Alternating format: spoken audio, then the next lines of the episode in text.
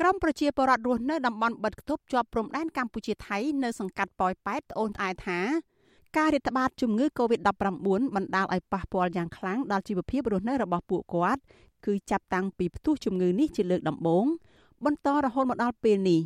ប្រជាពលរដ្ឋរស់នៅតំបន់បិទគប់ក្នុងភូមិក្បាលស្ពាន2សង្កាត់ប៉ោយប៉ែតលោកឆោមវីវ័នប្រាប់អាស៊ីសេរីថាចាប់តាំងពីមានការបិទគប់នៅក្នុងមូលដ្ឋានមក គឺពុំមានអាជ្ញាធរណាចុះទៅសួរសុខទុក្ខឬផ្ដល់ស្បៀងអាហារដល់គ្រួសាររបស់លោកនោះនៅឡើយទេពលរដ្ឋវ័យ36ឆ្នាំរូបនេះបញ្ជាក់ទៀតថាអំឡុងពេលនេះគ្រួសាររបស់គាត់ជិតអស់ស្បៀងអាហារហើយខណៈពួកគាត់គ្មានប្រាក់ទិញអាហារហូបចុកនោះទេដោយសារពួកគាត់អត់ការងារធ្វើជាច្រើនខែមកហើយបណ្ដាលមកពីវិបត្តិជំងឺ Covid-19 លោកអះអាងថាកន្លងទៅអាជ្ញាធរចែកស្បៀងចោះចោះចំពោះតែពលរដ្ឋដែលស្និទ្ធនឹងអាជ្ញាធរមូលដ្ឋានតែប៉ុណ្ណោះ ចំណែកគ្រួសាររបស់គាត់ដែលមិនជាប់ពាក់ព័ន្ធមានខ្សែស្រឡាយជាមួយអាជ្ញាធរវិញ បានត្រឹមតែចុះឈ្មោះជូនអាជ្ញាធរប៉ុន្តែមិនទាន់ទទួលបានជំនួយនោះនៅឡើយទេយើងយ៉ាប់ទៅយ៉ាប់ទៅយើងយើងអត់មានរកអីបានជំនួយអីបានផងអត់មកទៅដូចមានអីបានព្រោះស្ងាត់ព្រាបមានបុកគេទៅកើតអីហ្នឹងពួកគ្នាគេ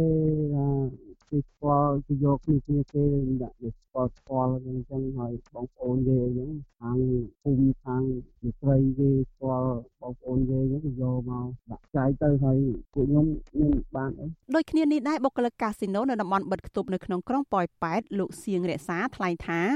ក្នុងអាគារស្នាក់នៅរបស់គាត់មានកម្មករនិងបុគ្គលិកកាស៊ីណូប្រហែល40នាក់គឺអ្នកខ្លះបានដាច់ស្បៀងអាហារនិងខ្លះទៀតចិត្តនឹងអស់ស្បៀងអាហារនៅដើមសប្តាហ៍នេះ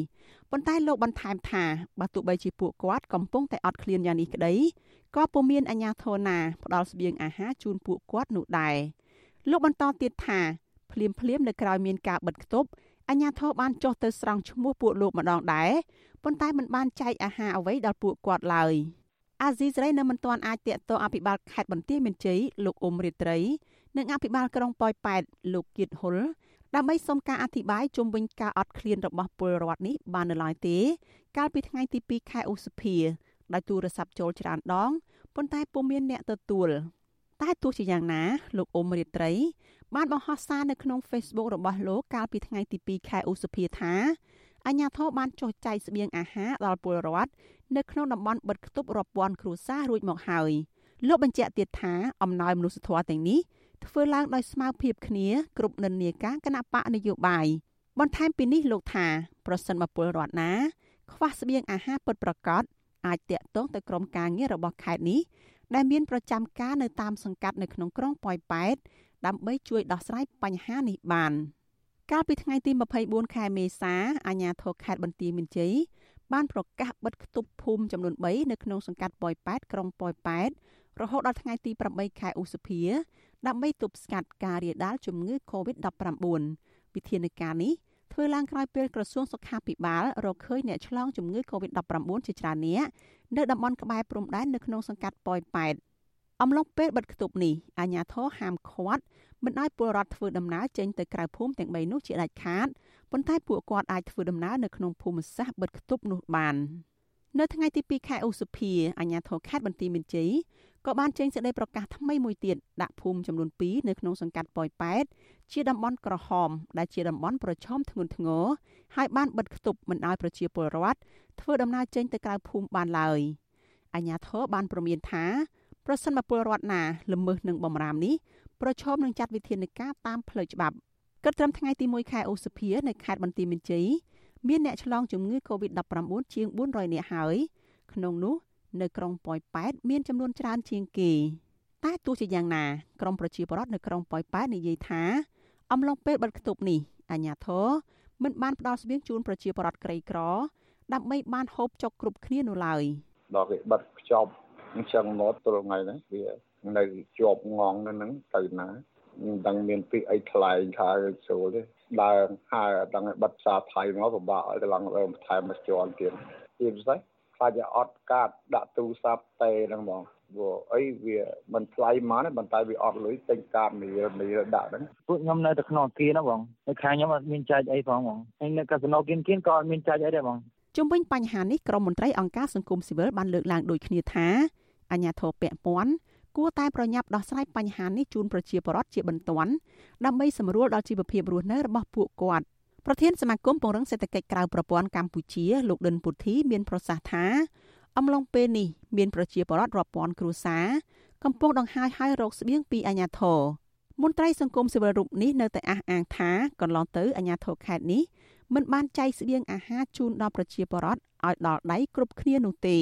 អារម្មណ៍ស្រេកឃ្លានណាអារម្មណ៍ហេវហត់ណាឧទាហរណ៍ថាបើយើងធ្វើការអស់កម្លាំងខ្លាំងអញ្ចឹងហើយយើងហេវពេលដែលយើងហេវបាយយើងមានបាយហូបអានឹងវាគ្រាន់ទេបើសិនជាអត់មានបាយហូបហើយសួរថាអារម្មណ៍មួយនឹងយ៉ាងម៉េចដែរអានឹងបើសិនជាប៉ះលើយើងវិញប៉ះលើគ្រូសាមន្ត្រីរាជការវិញសួរថាយ៉ាងម៉េចដែរប៉ះលើអាជ្ញាធរវិញយ៉ាងម៉េចដែរ អានឹងគឺអាជ្ញាធរគាត់មានប្រាក់ខែគាត់អាចទប់ទល់នឹងស្ថានភាពទាំងអស់នឹងបានប៉ុន្តែប្រជាពលរដ្ឋក៏អត់មានប្រាក់ខែមកពីណាទេគាត់តែបិទឲ្យគាត់នៅផ្ទះឲ្យគាត់នៅតែមួយកន្លែងគាត់អត់រកប្រាក់ចំណូលបានប៉ុន្តែថាគាត់ដាច់បាយហ្នឹងហើយចំណែកមន្ត្រីសម្របសម្រួលសមាគមការពារសិទ្ធិមនុស្សអាត6ខេត្តបន្ទាយមានជ័យ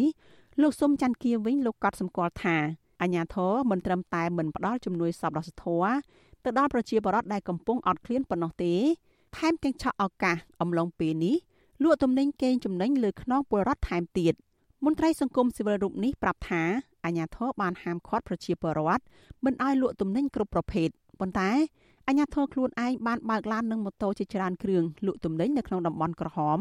នៅក្នុងតម្លៃថ្លៃទៅវិញយើងគិតថាទូនាទីដែលកតបកិច្ចរបស់រដ្ឋដែលត្រូវបំពេញបន្ថែមធ្វើឲ្យជីវភាពរបស់ប្រជាពលរដ្ឋប្រសើរឡើងមិនគូណាយកការដើរលក់ដែរអីចឹងទេ ព្រោះពួកគាត់បានមុខបានមាត់ធ្វើជាអ្នកគ្រប់គ្រងរដ្ឋក្តីអ្នកគ្រប់គ្រងដែនដីក្តីគឺដោយសារប្រជាពលរដ្ឋជាពលរដ្ឋបោះឆ្នោតឲ្យកន្លងមកនាយករដ្ឋមន្ត្រីក៏ធ្លាប់លើកឡើងអំពីមាសដែលនៅសល់ប្រមាណតោនប្រមាណតោនគ្រប់អញ្ចឹងមិនអត់ទេលោកក៏ធ្លាប់លើកឡើងថាមិនឲ្យប្រជាពលរដ្ឋណាមួយស្លាប់ដោយសារអត់បាយដែរប្រជាពលរដ្ឋនៅតំបន់ព្រំដែនខេត្តបន្ទាយមានជ័យរងគ្រោះដោយសារតែការរាតត្បាតជំងឺ Covid-19 3លើកហើយ ចាប់តាំងពីអាញាធរកម្ពុជានិងថៃបានបិទច្រកព្រំដែននៃប្រទេសទាំងពីរកាលពីខែមីនាឆ្នាំ2020ស្ថានភាពបែបនេះធ្វើឲ្យប្រជាពលរដ្ឋនៅតំបន់នោះភ័យច្រើន បានលក់សម្ភារៈផ្ទាល់ខ្លួនដើម្បីទិញស្បៀងអាហារដោយសារតែអត់ការងារធ្វើហើយមានពលរដ្ឋខ្លះទៀតនាំប្រពន្ធនិងកូនដើររើសអេតចាយលក់យកប្រាក់ដោះស្រាយជីវភាពប្រចាំថ្ងៃក្រមមន្ត្រីសង្គមស៊ីវិលជឿថាការផ្ទុះជំងឺ Covid-19 ជាលើកទី3នេះ នឹងអាចធ្វើឲ្យជីវភាពរបស់ពួកគាត់កាន់តែដុនដាបជាងមុនជាពិសេសអ្នកដែលស្ថិតនៅតំបន់បិទគប់ថានឹងអាចមានបញ្ហាសុខភាពទាំងផ្លូវកាយទាំងផ្លូវចិត្តនៅពេលខាងមុខដោយសារតែគ្មានអាហារហូបចុកគ្រប់គ្រាន់និងភាពតប់ប្រមល់សង្គមស៊ីវិលបញ្ជាក់ថាដើម្បីដោះស្រាយការអត់ឃ្លាននេះរដ្ឋាភិបាល គួរតែបង្កើតគណៈកម្មការមួយចុះចែកស្បៀងទៅដល់ពលរដ្ឋនៅតំបន់ក្រហមឲ្យបានដល់ដៃគ្រប់គ្នា និងធ្វើសកម្មភាពនោះឲ្យបានជាប្រចាំនាងខ្ញុំសុជីវីអាស៊ីសេរីរាយការណ៍ពីរដ្ឋធានី Washington